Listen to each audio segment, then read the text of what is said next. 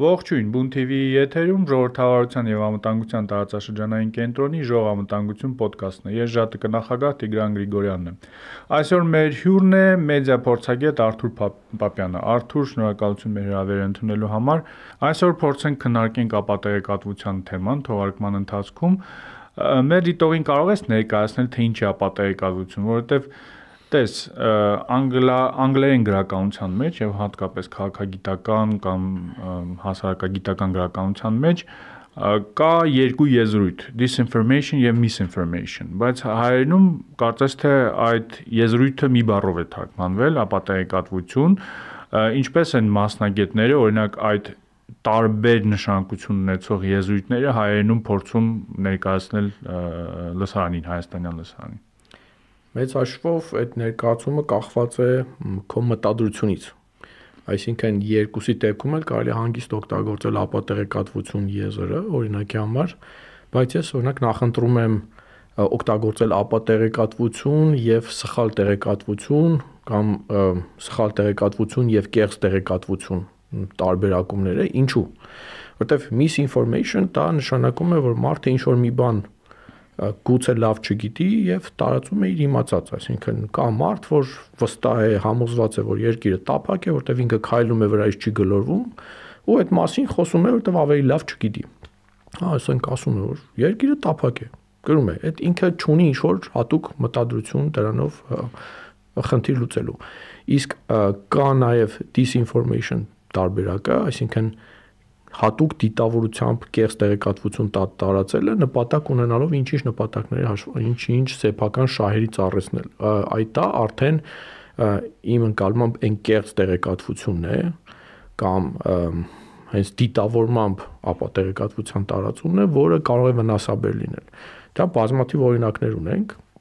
դա կարող է լինել սեփական քաղաքական շահի համար, ասենք ինչ որ քաղաքական գործիչ կարող է ասել, որ չգիտեմ, COVID չկա, որովհետև դա իրեն այդպես է ձեռնտու, կամ մեկ այլ քաղաքական գործիչ կարող է պնդել, որ օրինակ, չգիտեմ, ծխելը վնասակար չէ, որովհետև իր տնտեսական շահն է, ինքը սրճարան ունի, այնտեղ մարդիկ ծխում են եւ ինքը կարող է դա վերցնել շահարկել, որpիսի հանկարծ ծխելը սրճարանում չարկելվի, որpիսի վնաս չլինի։ Այսինքն երբ մարդը սկսում է տեղեկատվությունը, սխալ տեղեկատվություն տարածել հստակ շահագրգռվածությունից ելնելով, այստեղ է որ գործ ունենք այսպես կոչված disinformation-ի հետ, եւ դեզինֆորմացիան նաեւ ռուսերենում ռուսալեզու, հա, կոնտենտում է շատ տարածված, իրականում նոր բան չէ պատերազմական իրավիճակներում, տարբեր հակամարտությունում, կոնֆլիկտներում դա շատ տարածված է, այնպես որ սա հնագույն ինֆորմացիայի ճիշտ ինֆորմացիային զուգահեռ ընթացող ֆենոմեն է։ Այո, փորձեմ շարունակել հենց այդ կետից, ապատայեկատվությունը միշտ էլ գոյություն է ունեցել եւ միշտ էլ որպես գործիք օգտագործվել է թե պետությունների ներսում, թե միջպետական պատերազմներում, բայց Կարծես թե այս երևույթը ավելի մեծ տարածում է ստացել սոցիալական մեդիայի իհայտ գալով։ Տես, երբ իհայտ էին գալիս, երբ ստեղծում էին այդ սոցիալական ցանցերը 2000-ականների կեսերին Facebook-ը, Twitter-ը եւ ընդհանրապես ինտերնետի համացանցի հասանելիությունը տարածում էր աշխատում, աշխարհում կար այնպիսի մտայնություն, որ այս ամենը օգնելու է ձայն տալ այլ մարդկանց, որոնք ձայն չունեն։ Այսինքն օգնելու է ժողովրդավարության արդյունավետացմանը, բայց կարծես թե վերջին 15-20 տարվա ընթացքում հակառակ գործընթացն է ավելի շատ տեղի ունենում, երբ մարդիկ ստանալով բազմաթիվ ինֆորմացիայի աղբյուրներ եւ դառնալով նաեւ ինֆորմացիայի աղբյուր, կարծես թե նպաստում են ապատեգատվության տարածմանը։ Ու նաեւ եթե նախկինում կային այսպես կոչված հաստատված ինչ որ մեդիա կազմակերպություններ, որոնք կատարում էին այդ ֆիլտրի դերակատարություն, հիմա կարծես թե չկա։ Առաջին հարցը այն է, արդյոք համաձայն ես այս պնդման հետ, որը տարածված է նաև քաղաքագիտական գրականության մեջ, եւ երկրորդ հարցը այն է, ինչպես կարելի է ինչ որ չափով կարգավորվել կարգավորել այս ապատեգատվության տարածումը հենց այս սոցիալական մեդիայի սոցիալական ցանցերի դարաշրջանում հիմնականում համաձայն եմ եւ սկսենք նրանից, որ երբ ինտերնետը նոր էր ստեղծվում, դա ստեղծվում էր որպես ապակենտրոնացված համակարգ եւ այո, ես ինքս էլ դա դիտարկում էի որպես խոսքի դեմոկրատացման, հա, մարդկանց խոսք տալու, հա, պլատֆորմ, բայց ինչ կատարվեց Այսօր եթե նայեք, օրինակ Facebook-ից օգտվողների թիվը վերջին հրապարակված տվյալները 3 միլիարդից անցել է աշխարհում չկա այդպիսի երկիր, պետություն, որտեղ կա 3 միլիարդ մարդ, հա, իսկ Facebook-ը այսօր հսկայական կենտրոնացվածություն ունի նույն կերպ օրինակ ամերիկյան տեխնոլոգիական հսկաները իրենց ձեռքում են կենտրոնացել հսկայական քանակի հսկայական ծավալի ինֆորմացիա, ասենք Amazon-ի սերվերները, օրինակ AWS այնպիսի մեծ տարածում ունեն, որ երբ օրինակ Amazon-ում ինչ-որ մի բան սխալ է գնում, սերվերները հանգում են, մարդկանց մոտ տպավորություն է առհասարակ ինտերնետը չկա։ Հա, այսինքն այս կենտրոնանկերությունները ամերիկյան հիմնականում իրենց ձեռքում են կենտրոնացրել հսկայական իշխանություն կենտրոնացմանը զուգընթաց սկզբում երբ այդ հարթակները ստեղծվում են հաճախ այդ նպատակները չեն ունեցել բայց տարվում էր ինվեստորների կողմից, հա, գումարների ներդրում հնարավորինս մեծ արագությամբ օգտատեր հավաքելու համար, հա։ Դա ստարտափային մոտեցումն է, երբ որ դու չես մտածում, որ քիչ-քիչ փող աշխատեմ, այդ փողը ներդնեմ, այլ մտածում ես հսկայական քանակի գումարներ ներդնեմ դաշտ, մեծանամ, կենտրոնացնեմ, հետո սկսեմ դա մոնետիզացնել եւ հաճախ այդ ընկերությունները նույն Google-ը, նույն Facebook-ը երբ ստեղծում էին, հայտարարում էին լավ նպատակներ, օրինակ Google-ի լավագույն, հա, նախնական իշել կարկախոսն էր Don't be evil, հա, չարու չարիք մի գործի ընդամենը մի քանի տարի առաջ Facebook-ը այդ կարկախոսից հրաժարվեց, որովհետև իրենք էլ հասկացան, որ դա մի քիչ մի քիչ տարօրինակ է։ Բրաուզերների 90%-ը Chrome-ն է։ Հեռախոսների հսկայական ճնշող մեծամասնություն Android օպերացիոն համակարգ են, որ Google-ն է ստեղծում։ Այսինքն որոնումների ճնշող մեծամասնություն Google-ն է։ Google-ը հասկացավ, որ այս պահին, երբ ինվեստորները սկզբում գումար էին տնում, իսկ հիմա փորձում են այդ փողը հետ ստանալ, հաճախ այս կամկերությունները ստիպված են լինում դիմել հակասական գործերի, հա։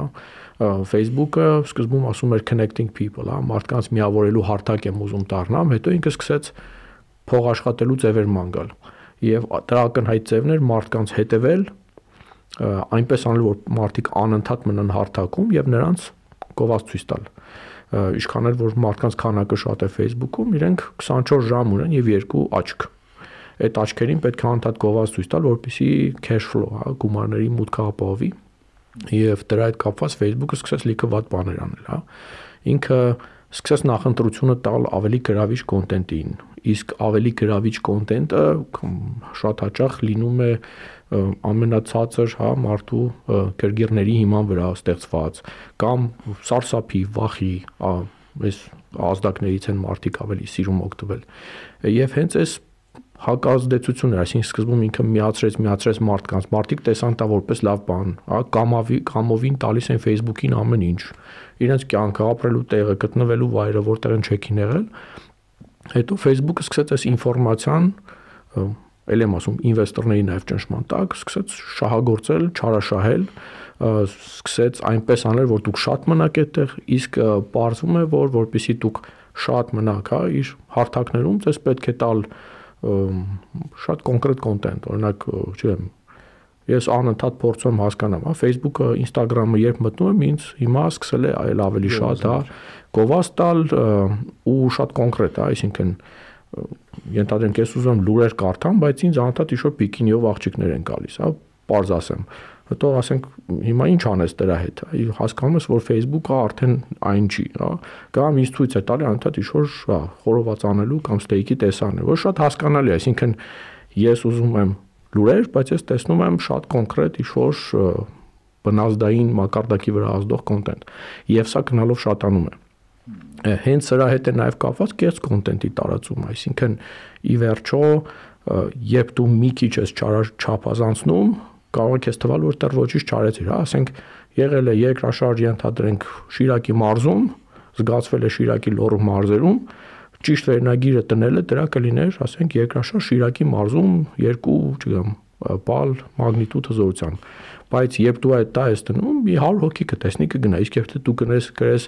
երկրաշարժ Հայաստանում, որը զգացվել է մի քանի մարզերում, մեծ հաշվով շատ չես խափել, հա, դե երկու մարզում դե զգացվել էր հա թույլ երկրաշարժը, բայց այս վերնագիրը մի փոքր մանիպուլյացիայի շնորհիվ շատացավ։ Եվ Facebook-ը, քանի որ ուներ այդ մղումը, այդ մարդկանց անընդհատ պահել պլատֆորմում, թույլ էր տալիս նման վարկագիծ, նույնիսկ խրախուսում էր եւ դու տեսնում ես որ այ ես մի քիչ մանիպուլացրեցի, բայց իմ մոտ մարդիկ ավելի շատ մնացին, ավելի շատ լայք տվեցին, ես ավելի շատ փող աշխատեցի։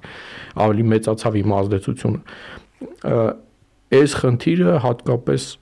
սրվեց երևի 2016 թվականին ամերիկյան նախագահական ընտրությունների նախաշրջորդ հարցը, երբ սոցիալական ցանցերում քաղաքական գովազդը, այդ ալգորիթմները եւ նման տիպ այլ տեխնոլոգիաները, տեխնոլոգիաները օգտագործում էին քաղաքական նպատակով եւ 16 թվականի ընտրությունների օրինակն էի ուզում բերել, ինչպես նաեւ Brexit-ի օրինակը ու մենք տեսանք նաև որ այդ քաղաքական process-ներից հետո կարծես թե ինչ որ գործընթացներ սկսեցին նաև Facebook-ի նկատմամբ։ Բայց հիշում ենք որ Մարկ Ցուկերբերգը կոնգրեսում ինչ որ հրավիրվել էր կոնգրես եւ տարբեր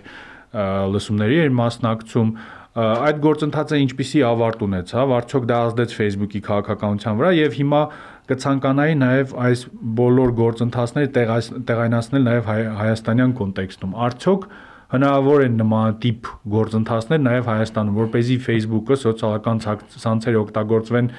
քաղաքական նպատակով, ստեղծվեն այդ տեղեկատվական փուչիկները, որոնք ստեղծում են արևմուտքում, այսինքն երբ մարդիկ այդ քո նշած օրինակով տեսնում են միայն այն կոնտենտը, որոնք իրենք ի սկզբանե ցանկանում են տեսնել, այսինքն ստեղծում է ինչ որ համախոհների ցանցեր, որոնք իրենց ցանցից դուրս ոչինչ չեն տեսնում եւ արդյոք դա Հայաստանում նպաստում է հասարակության բևեռացմանը տեսեք մի քիչ հետ գալով, հա, այսինքն որ པարզ լինի, ինչ կատարվեց 2016 թվականից ի վեր եւ դա նաեւ ազդեց Հայաստանի վրա, հա, այսինքն ես ամենայն անկեղծությամբ համարում եմ, որ Facebook-ի այս ալգորիթմիկ բնույթը, այն որ ինքը բավական ինտենսիվ լուրեր տարածելու եւ կեղծ եւ իրական լրատվություն տարածելու հարթակ էր դարձել նաեւ Հայաստանում, ազդեց 2018 թվականի զարգացումների վրա, երբ տեղի ունեցավ իշխանապողություն, հա, մեծ հաշվով, երբ մարտիկ փողոց էին դուրս գալիս եւ մենք տեսնում էինք, որ հենց Facebook-յան հարթակի լայվերն էին, որ առաջին հերթին, հա, իհարկե նաև կար Telegram, նաև կային այլ տեխնոլոգիաներ, բայց առաջնահերթ մենք տեսանք այդ հարթակների, այդ հարթակի հզորությունը մարդկանց մոբիլիզացնելու, շարժումներ ապահովելու հեղափոխական ինչ որ հա շարժումների եւ նույն դինամիկան այլ տեղերում եւս եղավ։ Մենք իրականում տեսանք օրինակ Բոլսոնարոն, հա, Բրազիլիայում։ Մենք տեսնում ենք տարբեր տեղեր պոպուլիստական ինչ-որ բնույթի քաղաքական գործիչների առաջ խաղացումը Թրամփը, ասենք Բորիս Ջոնսոնը, Թրամփը Ամերիկայում, Բորիս Ջոնսոնը Brexit-ի ենթատեքստում եւ սրանից հետո այո Facebook-ի դեմ սկսեցին լուրջ խնդիրներ Facebook-ին առհարցեր տվեցին, որովհետեւ ամերիկացիների զգալի մասը համարում էին, որ ընտրությունների վրա մեծ ազդեցություն ունեցավ Facebook-ով տարածվող ապատեղեկատվությունը ազդեցություն ունեցավ այն, որ Տրամպի կամպանիա շատ ինտենսիվ օգտագործում էր կեղծ տեղեկատվությունը, դա տարածում էր, տարածում են սոցցանցերում նաև եւ վատաբանում էին, հա, դեմոկրատական կուսակցությանը, տեխնացու Հիլարի Քլինտոնին եւ այլն։ Դրանից հետո Facebook-ին սկսեցին կանչել պատասխանատվության եւ Մարկ Զաքերբերգին դա ակնհայտորեն դուր չեկավ եւ հիմա բավական հետաքրքիր փոփոխություններ են տեղ ունենում, ընդ որում ոչ միայն ոչ միայն Facebook-ում, այսինքն կա Facebook-ի այսպես ասած փոքր եղբայրները, X.com-ը, որը նախկինում Twitter էր կոչվում, որը Elon Musk-ն առավ, այնտեղ առհասարակ շատ կատաստրոֆիկ դինամիկա կա Instagram-ը, TikTok-ը ընդառաջ եկավ, YouTube-ն է շարունակում է սուղությամբ շարժել եւ ինչ որոշվեց, հա, այսինքն Մարկ Զակերբերգին մի քանի անգամ հարցեր առաջ քաշեցին, ասացին, որ դու պիտի մի քիչ ավելի լավ կարգավորես, թե չէ մենք կարգավորենք, դրան հետևեց կ ូវ իդը, եւ կ ូវ իդի ընթացքում նույնպես սկսեցին Facebook-ին մեղադրել նրանում, որ ապատեգատության տարածման հետևանքով մարդիկ են մահանում, որտեղ հրաժարվում են դիմակ կրել, հրաժարվում են հիգիենայի կանոնների հետևել եւ Facebook-ը հանձնվեց մեծ հաշվով վերջին մի քանի տարիներին Մարկ Զակերբերգը բարբերաբար հայտարարում է, որ իրենք հեռանում են լուրերից, նյուզից,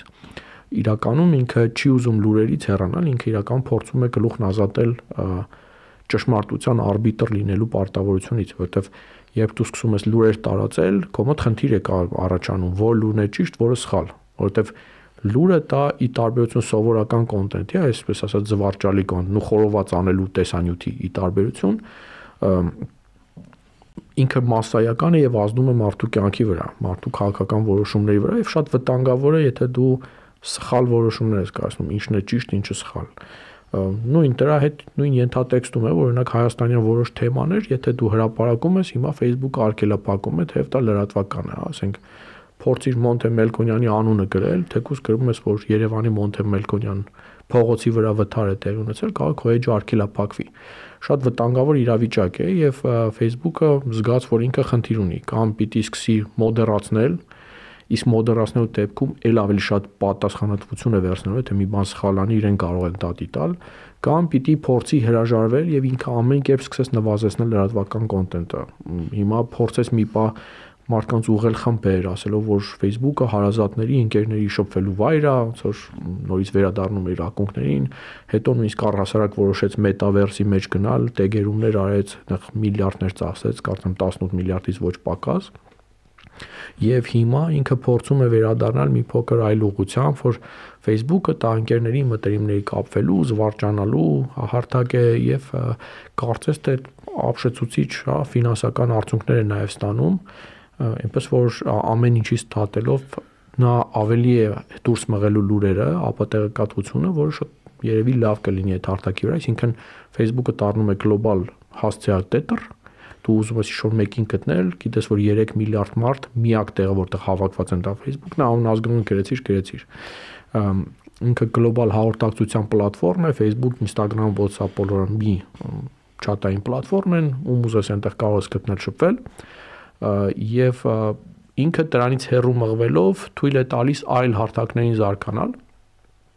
Այստեղ կարևոր է նաև հասկանալ, որ կար Twitter-ը, որը գլոբալ զրույցի հարթակն էր, հա, այսինքն Եթե աշխարհում ինչ-որ մի բան էր կատարվում այս պահին եւ դու ուզում ես այդ մասին խոսել, գլոբալ զրույց վարել, ու քո զրույցին միանային Ավստրալիայից, Ամերիկայից, Ռուսաստանից, Հայաստանից եւ ցավոք նաեւ Ադրբեջանից, այսպես ասեմ, դա Twitter-ն էր այս պահին տեղի ունեցող զարգացումների Twitter-ը ժամանակին, երբ դեռ Jack Dorsey-ն էր իր տերը ղեկավարը, հա, փորձում էր մոդերացնել, փորձում էր իսկապես դառնալ ճշմարտության բաստիոն, լրագրողները շատ սիրում էին այդ հարթակը եւ այնտեղ էին հիմնականում, բայց անցած տարի Twitter-ը վաճառվեց հայտնի գործարար աֆերիստ Իլոն Մասկին, այսպես ասեմ, եւ Իլոն Մասկը նախ ինչ որ բայ ուզում էր հրաժարվել տնանից չկարողացավ իրեն տատական կարգով նույնիսկ տիպեցին քան որ կին էր առաջարկել այդ գնով Twitter-ը գնել եւ հիմա ինքը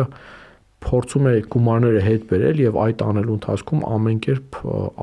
կործանում է Twitter-ը, այսինքն ամեն ինչով դուրս է մղում իր ամնահավատարիմ օկտատերերին, թույլ է տվել առանց մոդերացիայի կոնտենտ, քանի որ երբ սկսեցին լավ օկտատերերը, հա, որակյալ օկտատերերը սկսեցին երես թեքել Twitter-ից, ինքը ինչ որ առումով հուսահատության մեջ որոշեց մոդերացիան դադարեցնել, թույլ տալ հա, ով ինչ ուզում է գրի, նաև ծախսերը կրճատելու նպատակով, քանի որ հսկայական գումարներ են ներդրել եւ այսօր լրագրողները ասում են, որ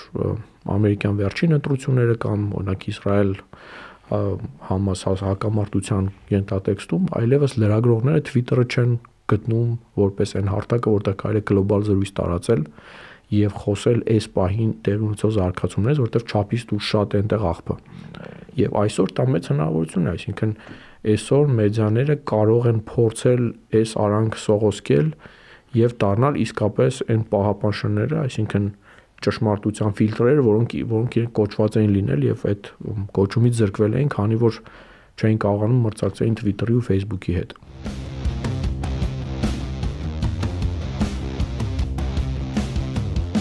Twitter-ի բաղով լիովին համաձայն եմ ես որպես Twitter-ի օգտատեր վերջին 1 տարվա ընթացքում իրոք շատ անհարմարություններ են ստեղծվել Elon Musk-ի պատճառով այդ մոնետիզացիայի փորձերը, այսինքն նախկինում երբ այդ կապույտ նշան ունեցող մարդիկ վստահություն էին ներշնչում, հիմա երբ կապույտ այդ կապույտ նշանով օկտատերերի են տեսնում, parzapes չեմ հետևում, որովհետև գիտեմ որ փող են տվել ու վերցրել են այդ ամենը։ Ինչ վերաբերում է մեդիայի դերին, այստեղ կարծում եմ մեկ այլ խնդիր կա, որովհետև սոցիալական մեդիայից բացի մենք տեսնում ենք նաև մեկ այլ տենդենց, որ ավանդական այդ լրատվամիջոցների նկատմամբ վստահություն է ընկնում աշխարհում խնդիր է նաև դրանում է կայանում, բայց այժմ փորձենք հասկանալ ապատեգատվության այդ օգտագործումը արտաքին քաղաքական նպատակներով եւ նաեւ անվտանգության ոլորտում խնդիրներ ստեղծելով էլի դիտարկելով մեր մեր երկրի օրինակը 20 թվականի պատերազմը 20 թվականից ի վեր տեղի ունեցող գործընթացները դες կարծես թե կա երկու մոտեցում մեր համատեքստում կա ադրբեջանական մոտեցումը որը պատերազմների ժամանակ տարբեր կոնֆլիկտների ժամանակ արգելափակում է պարզապես որոշ սոցիալական ցանցեր, լրատվական հայ, հայ հայաստանյան լրատվականները եւ այլն, հայաստանյան մոտեցումը ո՞րն է այս հարցում, այսինքն կարծես թե չի արգելափակում ոչ մի բան, բայց որևէ ակտիվ քայլեր չենք տեսնում ճգնաժամերի ժամանակ այդ ապատայեկատվությանը դիմակայելու համար վերջին նմանատիպ օրինակ միգուցե ոչ վերջինը բայց ամենակարկառուն օրինակ օրինակ սեպտեմբերյան այդ իրադարձություններն էին նախորդ տարվա երբ լուրեր տարածվեցին, որ ջերմուկը կորցրել ենք, նմանատիպ այլ ապատեգատվություն քո կարծիքով հիմա ո՞րն է Հայաստանի Հայաստան պետության մոտեցում ապատեգատվության խնդրին հենց այս անվտանգային հարցերում։ Հայաստանի մոտեցումը իրականում կարծում եմ բխում է հայաստանյան իրականություններից, նայեք, Ադրբեջանը ավտորիտար երկիր է։ Այնտեղ բոլորը, այսպես ասած, կալպակի տակ են, հա, այսինքն վերահսկողուց վերահսկվում են, իրենց պետությունը կարող շատ արագ հայտնի հասնել, ցանկացած պատճառով դատապարտել, Հայաստանում լավ թե վատ կա ինչ որ բազմակարծություն եւ Հայաստանի իշխանությունները ելնում են նաեւ այդ դրույթից, այսին հասկանալի է, որ եթե փորձեն տոտալ արգելափակել խոսքի ազատությունը, փորձեն մարդկանց նստեցնել եւ այն եւ այլն, դրանով իսկ նախ մեծ խնդիրներ են հայտնվա առաջ են հայտնվելու, այսինքն մարդիկ կարողանում են դատի տան, բողոքարկեն, Բացի այդ Հայաստանը փորձում է ներկանալ որպես ժողովրդավարական հասարակություն, իր իմիջը, իր ցկտումները, պարտներների զրույցները դա են ուշում եւ Հայաստան ունի նավթային ռեսուրս ու չի կարող իրեն թույլ տալ անտեսել, ասենք, միջազգային հանրության արձագանքը, որը ավելի շատ կողմ է բաց զրույցի եւ այս իրականությունից ելնելով հայաստանյան մոտեցումը այն է որ ոչ թե արգելափակենք այլ փորձենք պայքարել մեր թեմաները, մեր կոնտեքստը դուրս հանելով։ Այսինքն հայկական կողմը նկատած կլինեք այս դեպքերում բոլոր սրացումների ժամանակ փորձում է այնպես անել, որ անգլել անգլալեզու կոնտենտ ինչ որ տարածվի, մամուլի հաղորդագրություններ է տարածում բազմալեզու եւ իր տարբեր ալիքներով փորձում է սփյուռքի օրինակ գործիչների օգնությանը դիմել կամ սփյուռքի գործիչները այդ ասով օրինակ Սերժ Թանկյան, Կիմ Կարդաշյան, այսպեսի հայտնի հայեր տարբեր աշխարհում փորձում են Հայաստանի թեմաները արծարծել իրենց հարթակներում։ Այդ արտաքին աշխարհի համար, բայց ներսում այդ խնդիրները ո՞նց են կարգավորվում։ Ներսում նույնպես մոտեցում մոտապես դա է, այսինքն Հայաստանը փորձում է երբեմն ոչ հաջողությամբ, փորձում է ներքին լսանի համար էլ տեղեկատվություն տարածել, խուսափել ինֆորմացիոն վակուումից, մոտեցումը այդպեսին է եղել մոտապես 2016 թվականից իմիջայից, երբ բանակը փորձել է պաշտպանության նախարարություն փորձել է հաղորդագրություններ տարածել ու հանդես գալ որպես վստահուց վստահելի, հա, աղբյուր։ Ցավոք սրտի 2020 թվականին այն բարի կամքը, այն տարիների աշխատանքը, որ կուտակվել էր, ի հաշիվ նրա, որ պաշտպանության նախարարությունը քիչ թե շատ օբյեկտիվ տեղեկատվություն էր մատուցում եւ ուներ շատ մեծ վստահություն հասարակության մեջ, դա մսխվեց, որովհետեւ որոշում կայացվեց պատերազմի օրերին չմատուցել այլևս ճիշտ տեղեկատվություն, բայց նաև չլռել, այսինքն խոսքը գնաց ոչ թե տեղեկատվության, այլ կոնկրետ ապատեղեկատվություն տարածելու ուղղությամբ, այսինքն դա էր ստրատեգիան, սեփական ժողովրդին մատուցել ապատեղեկատվություն, որը նաև արված էր շատ վատ։ Այսինքն մի իրավիճակում, երբ պետք էր հանրության մոբիլիզացիա, երբ պետք էր մարդկանց ասել, որ վիճակը հուսահատական է, զենք վերցրեք, իրականում արվում էր հակառակը, ինչ որ առումով հանգստացնող կոչեր, հաղթելու ենք, հա, գյորվագյոր էս հայտնի, հա, սլոգանները եւ դա բերեց մի իրավիճակի, որ մարդիկ մտածում էին, հա, ինչ ինչ վատ է, որ մենք հաղթում ենք, մենք փորձենք թիկունքից օգնել, ինչի համար կնանք զենք վերցնենք ու դա շատ մեծ հարված հասցրեց մոբիլիզացիային։ Հետո ինչ որ ժամանակ անց ի վերջո նաև քանի որ կոմունիկացիոն դարում ենք հասնում, սկսեց ռազմաճակատից մարդկանց սկսեց սողոսկել իրականության պատկերը, մարդիկ, զինվորականներ այնտեղից հաղորդում էին սարսափելի, հա, տեսարաններ կորուստի պարտության եւ այս հակասության ֆոնին առհասարակ պայթեց պաշտպանության նախարարության վստահելիության այս միֆը իրական վստահելի էր, բայց ստացել էր այդպիսի հրահանգ անել, հանգստացնել հասարակությանը թույլ տալ, որ